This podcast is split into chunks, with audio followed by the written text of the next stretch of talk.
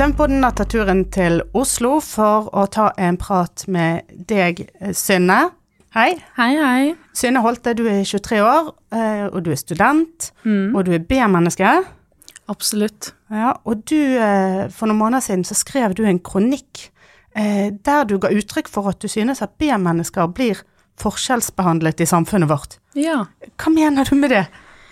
Nei, altså jeg føler jo det at uh, A-menneskelivsstilen er jo det som er vanligst, og det vi ser på som normalen. Og så er det lett, lett å føle skam hvis det er at man ikke helt passer inn i den. Og det kan jo være mange tunge morgener som B-menneske.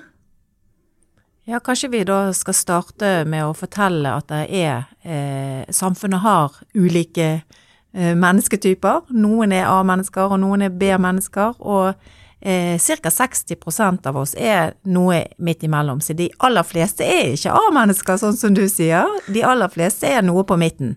Det er veldig Også, godt å høre. Ja, og så eh, har vi da si 20% som vi definerer i ytterpunktene for A-mennesker på ene siden og B-menneskene på den andre siden. Og Ingvild, vil du være med og forklare folk hva A- og B-mennesker er?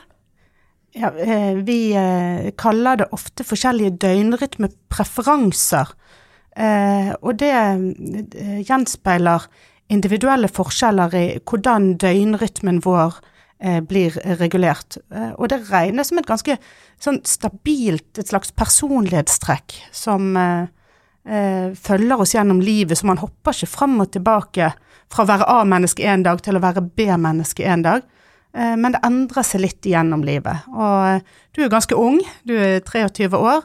Og det er ganske vanlig at i løpet av tenårene og tidlig 20-årene at man har en tendens til å være ekstra mye B-menneske. Ja, og da er jo det sånn at A-mennesker er det som er morgenmennesker, altså de foretrekker å stå opp tidlig og fungerer best tidlig på dagen, mens B-mennesker eller kveldsmennesker, de er motsatt. De eh, liker å stå opp seint, og de fungerer bedre seinere på dagen.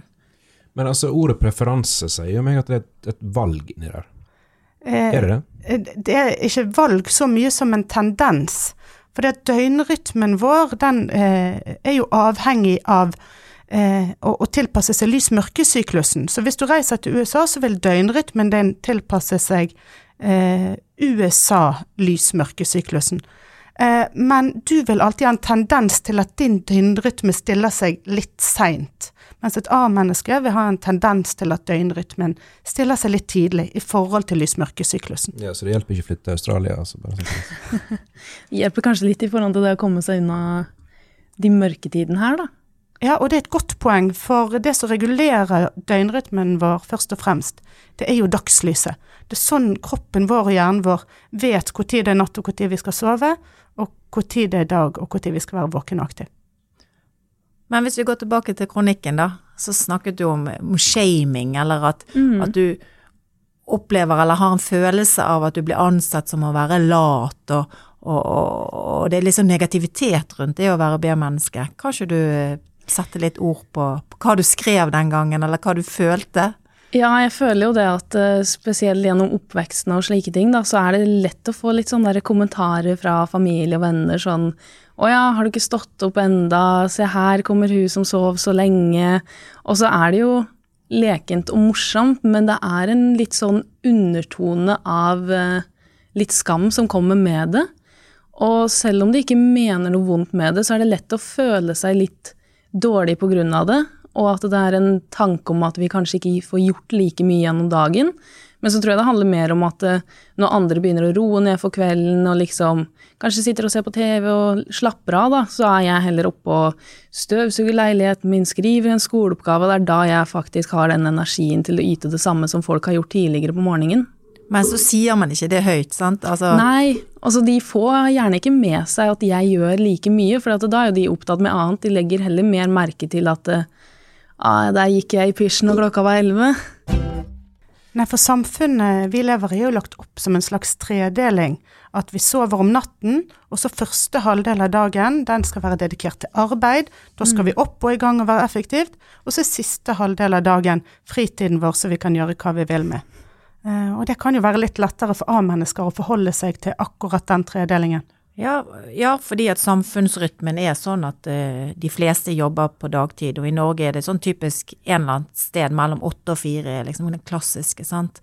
Uh, så uh, er det jo begrenset, da, den fritiden man har igjen til, til, til fritidsaktiviteter. Og er du B-menneske og, og gjør skoleaktivitetene når de andre gjør fritidsaktiviteter, så er du jo veldig i utakt med venner og familie og Absolutt, det merkes jo til tider, og um, jeg føler at f.eks. for eksempel i går da, så var jeg ute med noen venninner og slike ting. Vi var ute kanskje i firetiden, og da har ikke jeg gjort så mye før den tid nødvendigvis.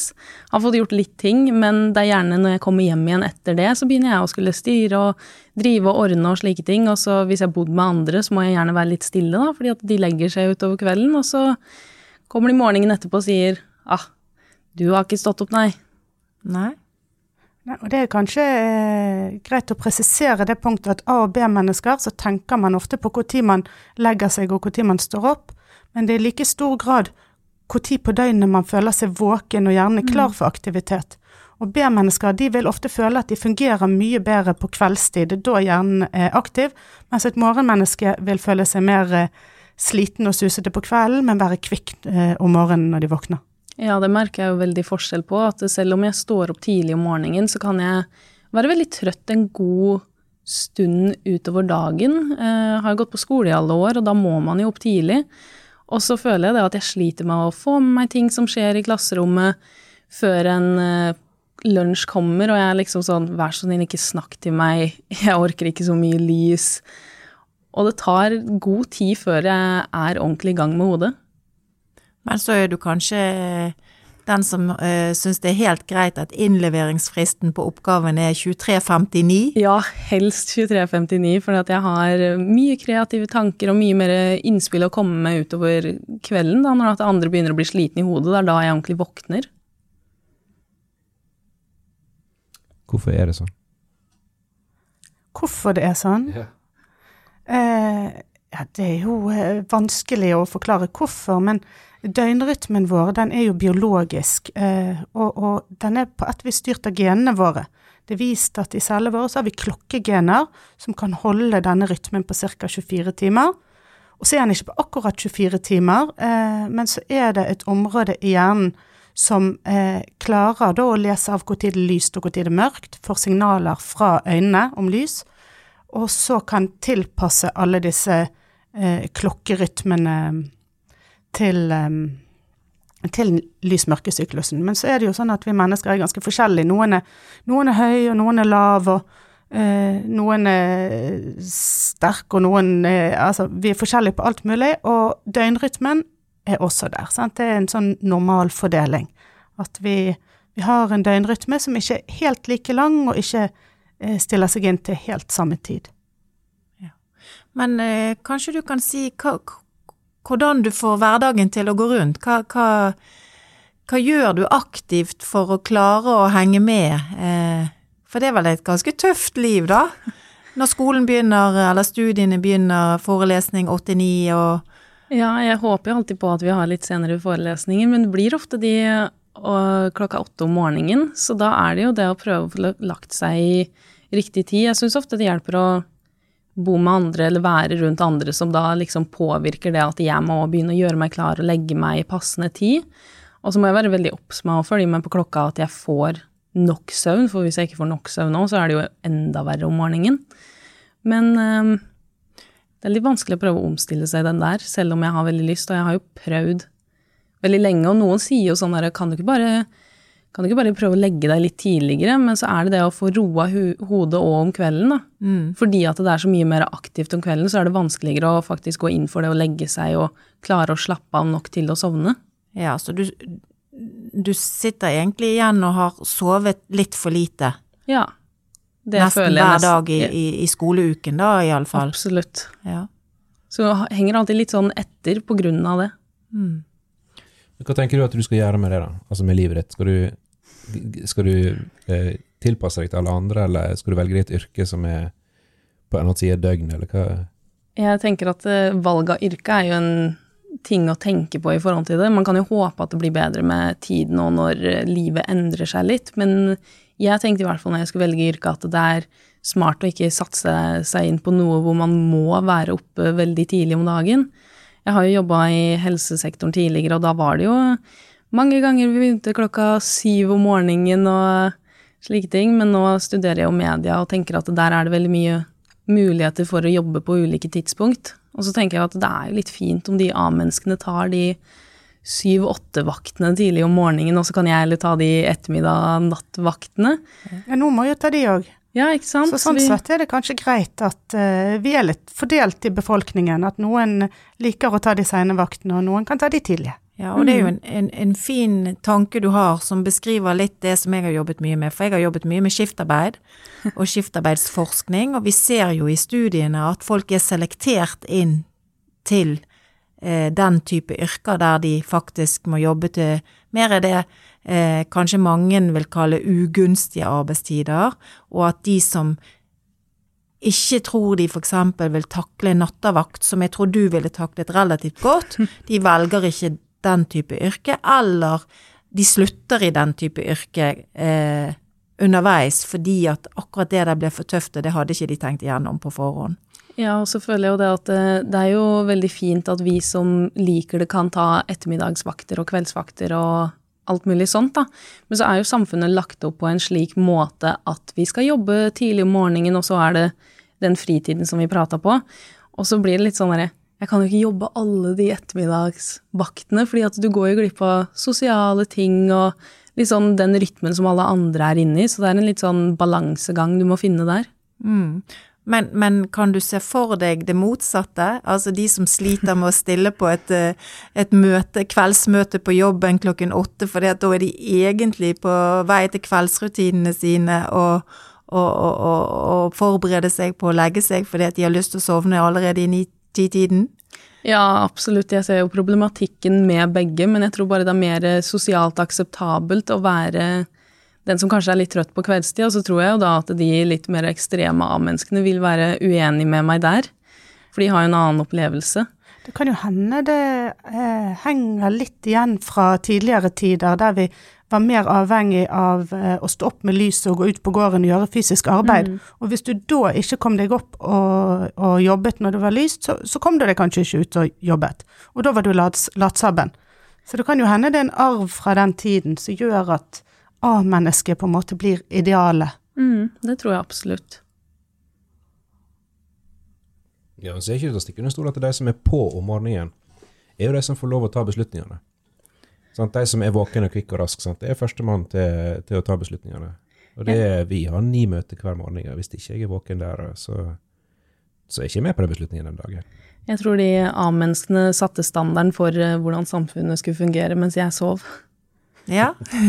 jeg har spekulert litt i det, for eh, det var noen skoler her i Oslo-området, videregående skoler, som hadde lyst til å starte litt seinere om morgenen, for rektoren hadde hørt at ungdommer har en annen døgnrytme, de bør begynne litt seinere. Men da hadde elevrådet motsatt seg dette.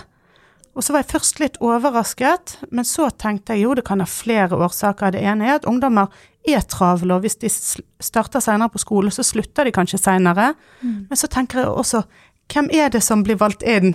Litt som du sier, hvem er det som blir valgt inn i elevrådet og har tid og krefter til å engasjere seg der tidlig på dagen? Ja. Er nok ikke B-menneskene. Var dere i elevrådet? Ja, faktisk. Ja! Der røk hypotesen min. men jeg var kasserer, så ja. ja. Så mye for den teorien. Nei, men jeg, jeg, er, jeg er, enig. Ja. Jeg tror det, det, er en sammenheng der. Det er viktig å se på de tingene der. Mm. Altså eh, det bakenforliggende. Mm.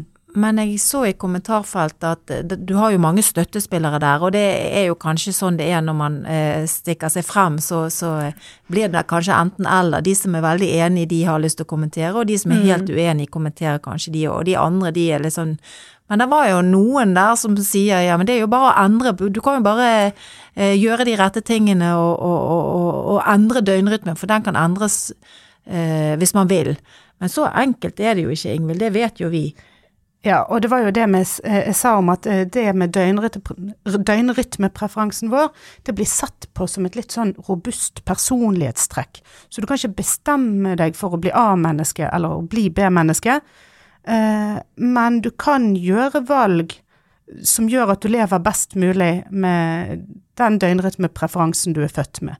Og, dette vi snakket om med lys, så er det jo sånn at lys eh, på vår biologiske morgen, altså ifølge din indre døgnrytme, vil passe på at du ikke sover for lenge, mens lys på din biologiske kveld vil gjøre at du ikke sovner for tidlig. Så for en som er veldig B-menneske, så er det ideelt å få lys tidlig på dagen på din biologiske morgen. Ikke et A-menneske sin morgen, men på det som er din morgen, altså på formiddagen.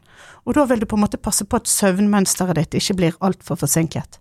Ja, så i tillegg til å få lys på riktig tid, så eh, må man også gjøre noe med søvnmønsteret. Man må jo gå og legge seg. Hvis du vil endre søvnmønsteret ditt eh, til et tidligere tid, så er det vanskeligere jo mer B-menneske du er. Men det du da kan gjøre, det er å passe på at du får godt med dagslys eh, tidlig på dagen. Sov til du våkner av deg sjøl, eh, får dagslys, og så setter du vekkerklokken på, vekkerklokken på en halvtime eller en time tidligere hver dag den neste uken. Eh, og så sørger for å komme ut i dagslys. Og da vil du hele tiden skru døgnrytmen tilbake, både ved å stoppe tidligere og ved å få lys på rett tid. Jeg føler eh, et problem her, fordi at jeg har jo liksom gjennom oppveksten og alt mulig sånne ting alltid prøvd på dette her. Mm. Hørt at nei, du må bare begynne å legge deg tidligere, og det skjønner jeg jo, det gir logisk mening. Men så klarer jeg det, da. Og klarer det en liten periode. Og så kommer den ene natta, da. Mm. mm. Hvor jeg er sent oppe, og så føler jeg at vi er tilbake til start. Men det var ikke det jeg sa. Eh, jeg pleier veldig Jeg skjønner hva du mener, ja. men jeg pleier nesten aldri å si bare legge deg tidligere. For mm. en del av de som veldig B-mennesker og prøver å legge seg til, nå, nå viser jeg gåseøynene fornuftig mm. tid, de opplever å legge seg og ikke få sove. Og det, det, det verste du kan gjøre, er jo å, å legge seg når du ikke er trøtt. Ja, da kan du introdusere et nytt søvnproblem. Ja, sånn at det vi sier, det er det at begynn med tid du står opp, og så få dagslys, for da vil ja. døgnrytmen din på sikt snu seg, og så vil du gradvis litt og litt tidligere føle deg eh, søvnigere på kvelden. Eh, men du har helt rett i det at i og med at du er et B-menneske, så kan én utskeielse rykke deg tilbake til start. Og da må du begynne på nytt igjen.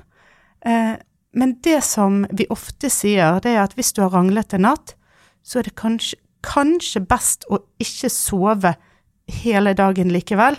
Mm. For da holder ikke du døgnrytmen på plass, og kanskje tvinge deg opp ikke så mye seinere enn vanlig, og så får du lite søvn den ene natten, men du får ikke den forskyvningen av døgnrytmen som gjør at du, du er tilbake til start.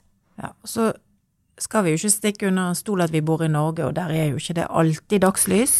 Eh, sånn at eh, det fins jo sånne lysterapilamper som kan være et, et godt alternativ, og jeg tenker jo at for deg som er kanskje en sånn ekstremvariant av et B-menneske, så kan det være en god investering å, å, å få en sånn eh, terapilampe på nattbordet. Eh, som ikke koster all verdens. Eh. Mm. Smiler du veldig lurt, etterpå du har en sånn. Jeg.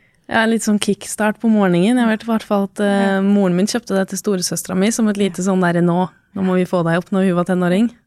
Og det funker kjempebra. Det eneste som er viktig, er at hvis du da Eh, er vant til å sove til klokken elleve, og så står du opp klokken syv om morgenen og så tar det lyset, da blir det det samme for kroppen din som å få lys om kvelden. For det er før din biologiske mm. morgen, og da kan det gjøre vondt verre. Sånn at med lyset så er det viktig å ikke plutselig ta det veldig tidlig. Det er vel den feilen man kan gjøre. Absolutt, men jeg tenkte mer at eh, hvis man ikke har mulighet til dagslys, så kan man bruke en sånn lysterapilampe ja. eh, på samme tidspunktet som man burde fått dagslys. Ja. ja. Er det bare lys, eller er det noe mer enn bare lys? Lys er det viktigste. Jo, men, men den lampa, altså gir den eh, noen spesielle strålinger, eller er det bare lys? Det lys. Det er lys. lys. Ja. Altså, jeg er jo så sliten om morgenen hvis jeg våkner tidlig, så hva er noen tips eller ting jeg kan gjøre for å liksom få i gang hjernen litt tidligere og kvikkere og føle at jeg er litt eh, mer opplagt. Jeg skjønner jo det at du må legge deg tidligere og få nok søvn, men liksom starte i gang den der ordentlige prosessen. Vet ikke om jeg, jeg har noe godt svar på det, eh, annet enn en, eh, en kald dusj, kanskje. Lys har vi snakket om. Ja, og da har jeg lyst til å skyte inn at hvis du plutselig står opp syv, Jeg har vært innom det før, men vanligvis står opp 11. Så, Så ikke blir lyset feil. Da blir lyset feil. Ja. for du forskyver døgnrytmen din feil vei. Sånn at hvis du skal bruke lys, så må du på en måte bruke det over tid og skru tilbake døgnrytmen. Mm. Og så er det jo mange som bruker kaffe, eh, eller eh, andre typer stimuli som virker på samme måten, altså energidrikker med koffein, eller vi, vi går jo ikke ut og så anbefaler folk å bruke energidrikker, men, men koffein vet vi jo er, eh, har en, en, en oppkvikkende effekt. Eh, jeg vet ikke, drikker du kaffe? Nei, jeg drikker ikke koffein, men jeg ser jo at det hjelper veldig mange andre om morgenen, og det er jo så mange som er avhengig av den kaffekoppen om morgenen for å liksom klare å mestre den og være litt hyggelig og slike ting. Så jeg må nok finne min, eh, min versjon av det. Ja, og jeg er ikke negativ til kaffe, men hvis du er avhengig av kaffe for å fungere, så kan det jo hende det tyder på at man får litt for lite søvn. Mm. Og da, men nå spurte hun etter råd for å føle seg Ja. kvikkere om morgenen, og da vil vi vel si at koffein har en effekt. Det har det. Og så er det vel kanskje mange B-mennesker som skjuler seg litt bak den kaffen da, for å komme i gang. Ja. Men kanskje du kan si hva du gjør, da? Hva, hva er det beste for deg? eh? Ja, Eter du frokost? altså Hva er liksom morgenritualet hvis du føler deg trøtt? Det er jo kanskje lettere for deg å pirke i det hvis du forteller hva du gjør. Ja, altså hvis jeg har eh, Hvis jeg skal tidlig opp om morgenen, så er jeg veldig dårlig på det. Da gjør jeg alt for å kunne sove litt lenger, så da hopper jeg over den frokosten og kjøper meg noe eh, når jeg kommer på skolingen som jeg kan spise litt mens jeg er i forelesning. Men jeg tenker jo at den maten er veldig viktig for å starte kroppen, selv om den er lett å bare droppe. Og så hvis jeg har litt tid om morgenen og ikke et sted jeg skal være, så liker jeg gjerne å ta meg litt tid for å bare komme i gang og gi meg, meg selv den um, tiden til å liksom se på litt serie mens jeg spiser, drive og ordne meg, og ikke føle meg dårlig for at jeg nødvendigvis tar den ekstra tiden om morgenen. For jeg vet at det setter meg opp til å klare mer i løpet av dagen, da, enn å kjøre rett på og så føle at nei, det her går ikke. Ja, så det er jo koker jo ned til helt sånne enkle, praktiske ting som at hvis du vet du skal tidlig på forelesning, så pakk sekken kvelden før, ikke, sånn at du kan sove lengst mulig, men likevel gjøre morgenen best mulig for deg selv, da. Ja, det er måte. veldig Sant? Legg frem tøy, pakk sekken, ha en plan for transport. Altså helt sånne enkle, praktiske råd for hvor du kan spare inn tid, så du kan sove lengst mulig, da. Men det gjør deg jo ikke mer våken, som da egentlig var spørsmålet ditt. Hva gjør deg mest våken fortest mulig? Ja, men jeg føler virkelig at den å sette seg opp for suksesskvelden før er veldig viktig. Og jeg er veldig streng på at jeg må ha den kveldsrutinen hvor jeg gjør klart alt jeg kan, jeg har en plan for når er det jeg må dra, sette på litt alarmer. Ehm, ja, det blir Litt i flertall alarmer. Har du hørt det finnes sånne vekkerklokker som er sånn akkurat som puslespillbrikker som detter fra hverandre, og så må Ja, ja, ja. du legge den sammen? Da, da tror jeg jeg hadde blitt så sint om morgenen hvis jeg skulle begynne å pusle noe greier òg. Men eh, ja, litt sånne alarmer for å våkne, da, for det er lett å slumre eller sove igjennom. Men òg litt sånn Ok, nå er det ti minutter til jeg må være klar å gå. Sånn, fordi det går tregt med meg om morgenen nå. Moren min har vært så irritert på meg gjennom oppveksten, for hun er sånn Det tar deg jo 20 minutter å spise en brødskive. Du, det hadde jeg lyst til å spørre deg om, for er du den eneste i familien som er B-menneske, eller? Ja, Ja, ja for det, det er gjerne litt genetisk at det ligger litt i familien. Du Ja. sa jo at din søster hadde fått uh, lys. Hun var nok mer sånn som tenåring, som man ser på som normalt, og så er jo jeg fortsatt ung i 20-åra, liksom, så det kan jo vil tro det endrer, seg litt med tiden, men jeg er nok eh, ganske annerledes enn de, men det er litt gjenganger i familien min, litt sånn Så jeg er nok eh, litt eh, sort får i familien der, eller hva det heter. Men har det preget eh, oppveksten din, eller sjølbildet ditt, eller din opplevelse av deg sjøl, det at du er den som alltid er treig og alltid er sist, og har du en følelse av at det har betydd noe for deg i Ja, det har vel det på sine måter. Det må være treg. Jeg har alltid fått sånn 'kom igjen, nå må du kjappe deg', alltid sent ute. Jeg er den som alltid løper til trikken. Og så ser jeg noen si sånn derre 'hvorfor løper du da, det kommer jo ny trikk hele tiden'. Ja, men jeg er jo allerede sent ute før enn jeg må løpe. Ja. Så jeg har ikke noe valg. Og så er det òg litt den som jeg skrev i kronikken om den 5 a morning routine, da, hvor folk er tidlig oppe, og jeg ser liksom videoer hvor de står opp klokka fem om morgenen, lager seg en god frokost. De drar på trening. Det skulle hun ikke tro var mulig, for min del i hvert fall. Og så vet jo jeg at jeg våkner litt seint, og det er lett å sammenligne og føle seg litt dårlig på av det, og jeg tror at de videoene vi finner på sosiale medier er litt overdrevet. Men eh, eh, det er veldig lett å sammenligne seg og føle 'hvorfor klarer ikke jeg det her?' Og det følte jeg mye når jeg vokste opp, at det, det er noe litt sånn feil med meg, fordi at jeg klarer ikke det som alle andre ser ut til å klare så enkelt. Men hva tenker du sjøl om de der som står opp klokka fem og går på trening? Altså klokka sju om kvelden. Altså den andre enden av Men det er jo det, jeg ser ikke den siden av at de er slitne på kveldstid. Jeg ser at de er aktive om morgenen, og så aner jeg ikke hva som skjer videre i løpet av dagen for de, da. Det er dette glansbildet på sosiale medier. Ja, de setter frem den peneste delen av det, og så Men hvis du hadde gjort din trening klokken ti-elleve om kvelden og Ja, det lagt den ut på sosiale medier, så ville de sikkert tenkt det samme, at eh, hva driver hun med midt på natten? ja. Hva i all verdens rike, det er jo helt feil. ja, jeg har vært på treningsstudio klokka tolv før, så det er ikke usannsynlig at det skjer. Nei, men du postet det kanskje ikke på Nei, sosiale medier? Og la ut som eh, sånn eh, midnight eh, training eh, Men du, routine-opplegg? fins det døgnåpne treningssentre? Ja, ja, Ja, ja. det var det jeg trodde. Veldig mange treningssentre i Norge nå har noe sånn kort, så du bare drar, og det er åpent 24-7. Når var det du oppdaga at du var et B-menneske, eller at det var noe som faktisk eh, betyr noe for deg? Altså Var det da du begynte å studere, eller Nei, jeg tror nok eh, det har skjedd tidligere at jeg begynte å merke det. Um, I hvert fall fra ungdomsskolen. Men gjerne tidligere enn det òg. Jeg likte alltid å sove lenge uansett. Uh, og litt sånn hvis du er på overnattinger med venninner, så er jo søren de er oppe tidligere enn meg, altså. Og så blir jeg den som eh, våkner litt seint. Og i hvert fall nå, da, så var jeg akkurat på utveksling, og der var vi seks jenter som bodde sammen i et halvt år i et hus med tre soverom.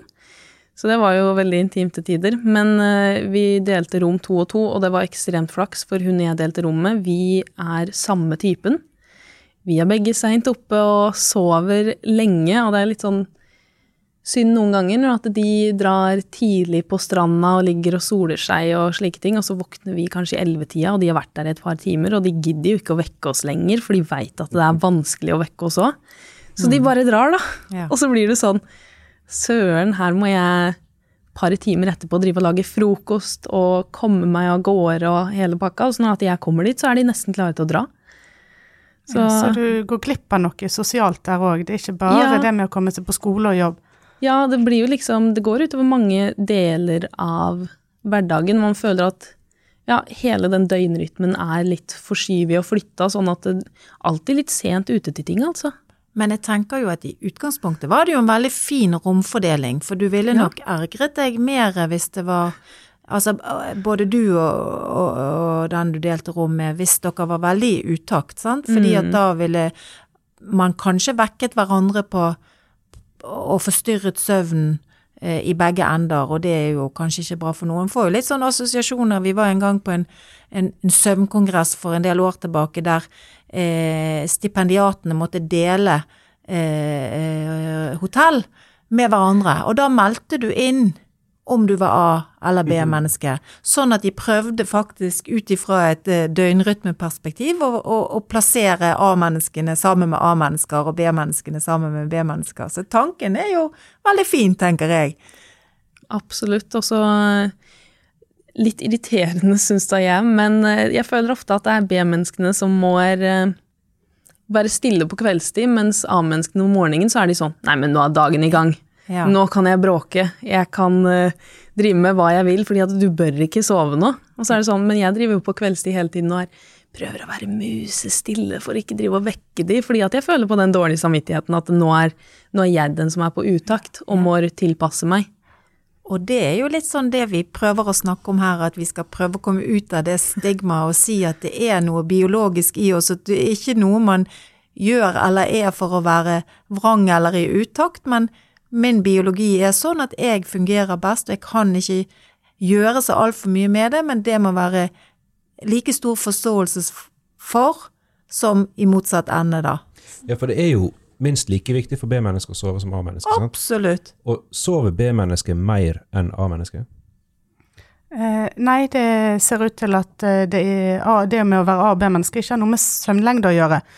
Eh, men det vi ofte ser, det er de som er B-mennesker og prøver å tilpasse seg samfunnsrytmen og stå opp tidlig om morgenen, de går lett på et søvnunderskudd på ukedager, og så tar de det igjen, og så sover de litt lenger i helger. Så når man sover fritt, så kan ofte B-mennesker si 'jeg kan sove ti timer'. Eh, men det kan godt være fordi at de, de er litt på etterskudd med søvnen sin.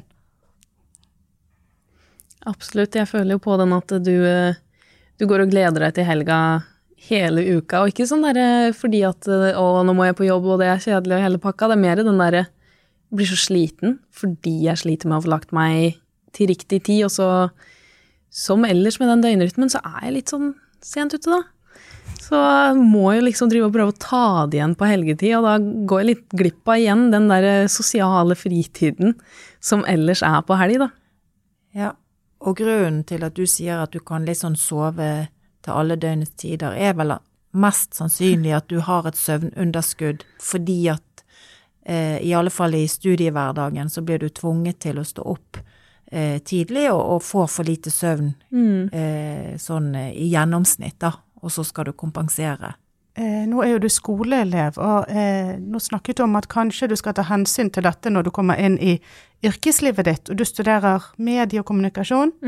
Eh, og det gir vel rom for å velge yrker som kanskje ikke er sånn strengt åtte til fire. Eh, men de som ofte er mest B-mennesker, det er jo ofte unge mennesker som er studenter og er skoleelever. Og går du på videregående skole, og skolen begynner klokken kvart over åtte, så kanskje du sier jeg tar fleksitid. Eh, Så jeg eh, er jo egentlig litt eh, opptatt av å være ute og lufte tanken om at kanskje 8-15 er litt tidlig for mange 16-17-åringer. Ja, men så vet vi jo òg at ungdommene er ikke veldig interessert i å ha skole på ettermiddag heller, fordi at da går de glipp av andre ting. Så det er Man, man skjønner jo ut ifra et samfunnsperspektiv at det er litt utfordrende. Eh, fordi at man kan ikke gjøre skoledagen kortere, eller arbeidsdagene kortere. Eller lage A-skoler og B-skoler. Det hadde jo vært litt kult, da. Og igjen dette med stigma, altså at det med å være A-menneske har fått bokstaven A, og B kommer lenger bak i alfabetet. det tenker jeg litt sånn to streker under svaret, at samfunnet eh, mener at A-mennesket er å foretrekke. Ja, men la meg snu på det. det Ja. På engelsk heter det night owl, og owl er en, en Altså, en ugle er ansett for å være et tegn på, på visdom, og, og, og ja. universitetet bruker jo ugle som det store symbolet på, på kunnskap. Den var fin. Så eh, da tenker jeg at eh, nattugle er helt fint, som da er Ta med deg den, eh, Synne. Det skal jeg gjøre, og så føler jeg òg at det er fint å kunne snakke om det, fordi at eh, når man får spredd litt informasjon om det, så føler man seg ikke like dårlig lenger, og kanskje man slipper unna litt sånn der kjipe kommentarer, og har faktisk et svar å gi, da. Når jeg var yngre, så var det sånn, ja, hva skal jeg si når de klager på at jeg sover lenge? Ja. Mens nå er det litt lettere å kunne ha et svar som igjen skaper mer forståelse for B-menneskene, og det føles veldig godt, egentlig. Ja, da kan du på en måte si at dette handler om biologi, det er ikke noe jeg velger. Og det er eh, like normalt å være i ytterpunktene av skalaen.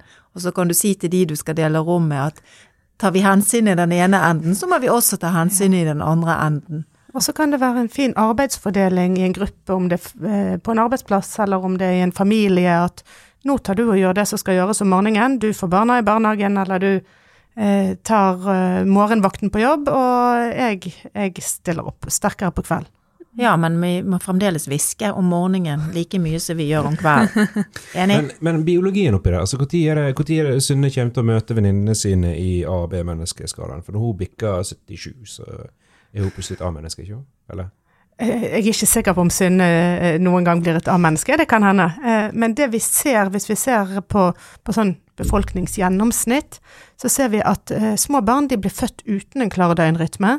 Og så i løpet av det, de første tre måneder til halvåret, så, så utvikler de evnen til å ha den lengste søvnperioden på natten. Eh, Og så eh, i løpet av barndommen så er det mange barn som er litt A-menneske. Eh, og til foreldrenes store frustrasjon våkner klokken hvor tidlig? 6.30 søndag morgen? Enda tidligere? Ja, fem, kanskje. Fem, kanskje. Og så skjer det noe i puberteten. Og, det skjer mye i puberteten med hjernen, og det skjer mye med søvn. Men når det gjelder døgnrytme, så vil de aller fleste bli litt mer B-menneske, men noen i større grad enn andre. Og så endrer det seg i løpet av eh, voksenlivet. Og en del eldre blir litt A-menneske, eh, men alle blir ikke veldig A-menneske, men kanskje mer A-menneske enn de var når de var unge. Men eh, hva er egentlig A-menneske, og hva er B-menneske, og kan det måles på noen måte? Eh, ja, det kan måles på flere forskjellige måter. Eh, og vi, eh, vi, har jo vært innom at B-mennesker ikke bare sovner senere og våkner senere, men at de også føler seg på sitt beste seint på dagen. Så da kan vi enten spørre når på døgnet føler du deg best, og, og, bruke det som et mål på om man er A- eller B-menneske, eller man kan måle plasseringen av søvn. Når eh, eh, sovner og våkner du spontant i helger og fridager, hvis du kan velge helt sjøl. Og så blir det et døgn på Et døgn, unnskyld. Et mål på døgnrytmen din. Eh, men døgnrytme kan jo også måles biologisk. Og dette døgnrytmehormonet som heter melatonin, det skilles ut om natten når det er mørkt, men først når din klokke, indre biologiske klokke tenker at det er natt. Så hvis du er veldig B-menneske, så kan det bli mørkt, og så tar det likevel veldig lang tid før kroppen din skiller ut melatonin. Eh, så, og dette kan vi måle. Da kan du ta spyttprøver, eh, altså ta prøver med spytt, så vi måler nivået melatonin i om kvelden, og så ser vi når øker utskillelsen. Eh, og det gjøres jo mest i forskning, men det er jo litt kult at det går an å se. Mm. Eh, eller så kan vi måle temperatur. Eh, kroppstemperatur. Eh, for de fleste av oss vet jo det at hvis du har feber, så er den ofte litt høyere om kvelden og litt lavere om morgenen. Og det er fordi at kroppstemperaturrytmen vår er sånn. Sånn at på det som er eh, bunnpunktet i døgnrytmen din, så har du også lavest kroppstemperatur, og du føler deg mer søvnig enn noe annet tidspunkt på døgnet. Og det kan måles. Det Men det er litt upraktisk, da, generelt sett, å drive og måle temperaturen eh, gjennom døgnet ja. for å finne ut eh, hva, hvordan døgnrytmen er. Men det er mulig. Jo, og det understreker jo bare at det faktisk er biologi, at det ikke bare er en vane, det er sånn som kommentarfeltet mm. på, på, artikkelen eller mm. kronikken din sa, mange. Da. Nå vet jeg at du skal flytte mm. snart til Australia. Og der er det, går ikke sola ned klokka seks, og så er det ganske mørkt? Der er det mye mer jevn sånn uh, lys på døgnet til samme tid hver dag, så jeg føler kanskje det kan være en fordel i forhold til døgnrytme. fordi det, her så har du masse sol om sommeren og så lite sol om vinteren. Og jeg kjenner jo det at det, vinteren er jo tøff for oss alle, og spesielt hvis jeg skal opp tidlig om morgenen og så står sola opp først til klokka ni, så tenker jeg hvorfor skal jeg være oppe før sola? Det er jo ekstremt irriterende, så jeg syns jo at det er en stor fordel med å bo utenlands, at det kan hjelpe litt på, og varmen hjelper og alt, altså. Og hvordan er det med jetlag? Du, den er jeg faktisk skikkelig god på. Jeg kan komme rett inn i en ny døgnrytme, så det er litt overraskende sånn sett at jeg ikke klarer å holde en god døgnrytme i hverdagen min, men jeg kan lett tilpasse meg ulike tider å sove på.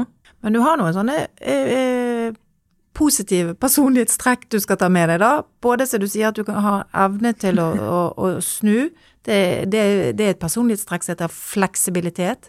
Og det at du sier at du har evne til å kunne sove til alle døgnets tider, det går òg på fleksibilitet. Det er på en måte Det er jo fine ting å ta med seg, da. Mm. Ja. Tenker jeg. Ja. Den kronikken din, har den endra på noe for deg etter du skrev den? Har du møtt, blitt møtt med mer forståelse, eller har du bare fått lov å ventilere litt, eller hva? Jeg føler at med det så kom det òg gjerne litt sånn at jeg fant litt mer ut om at det faktisk er mer biologisk, og at jeg følte meg litt bedre. Altså, jeg lo her om dagen fordi at eh, jeg sa det at jeg ville ikke ha mamma på Snap Map, sånn at hun kan se meg, fordi at da kan hun se at jeg legger meg så seint. Og så sa onkelen min du vet hva, det kan du ikke skylde på, fordi du har blitt poster child for dårlig døgnrytme, så det veit hun. um, men jeg føler at uh, det har kanskje blitt litt mer snakk rundt det, og litt mer forståelse, og at uh, uh, fine kommentarer fra folk som sier at det her har jeg følt på lenge, og eller gjerne noe som litt sånn tør å si det, og at jeg ikke føler meg så alene, da. Det syns jeg var veldig fint. og vi har veldig mye forståelse. Jeg håper du følte det. Ja, absolutt. Og oppsummert, eh, hvis jeg telte kommentarene i kommentarfeltet ditt, så tror jeg du fikk mer eh, støtte enn en, eh, eh, kritikk, da. Ja. Og så syns jeg at det, det er ikke noe å kritisere, fordi at vi er ulike, og sånn er det. Og det er veldig mange fordeler med at vi er ulike òg, for da kan vi gjøre ting til ulike, ulike tidspunkt. Alltid noen som vil være på jobb. Skal vi takke Synne for at du kom i podkaststudioet her i Oslo, Tusen takk for at jeg fikk komme. og at du delte historien din. Det var veldig, eh, veldig hyggelig samtale. Tusen og god takk. tur til Australia. Ah, takk, det blir bra. Du har hørt en podkast om søvn fra Helsebergen.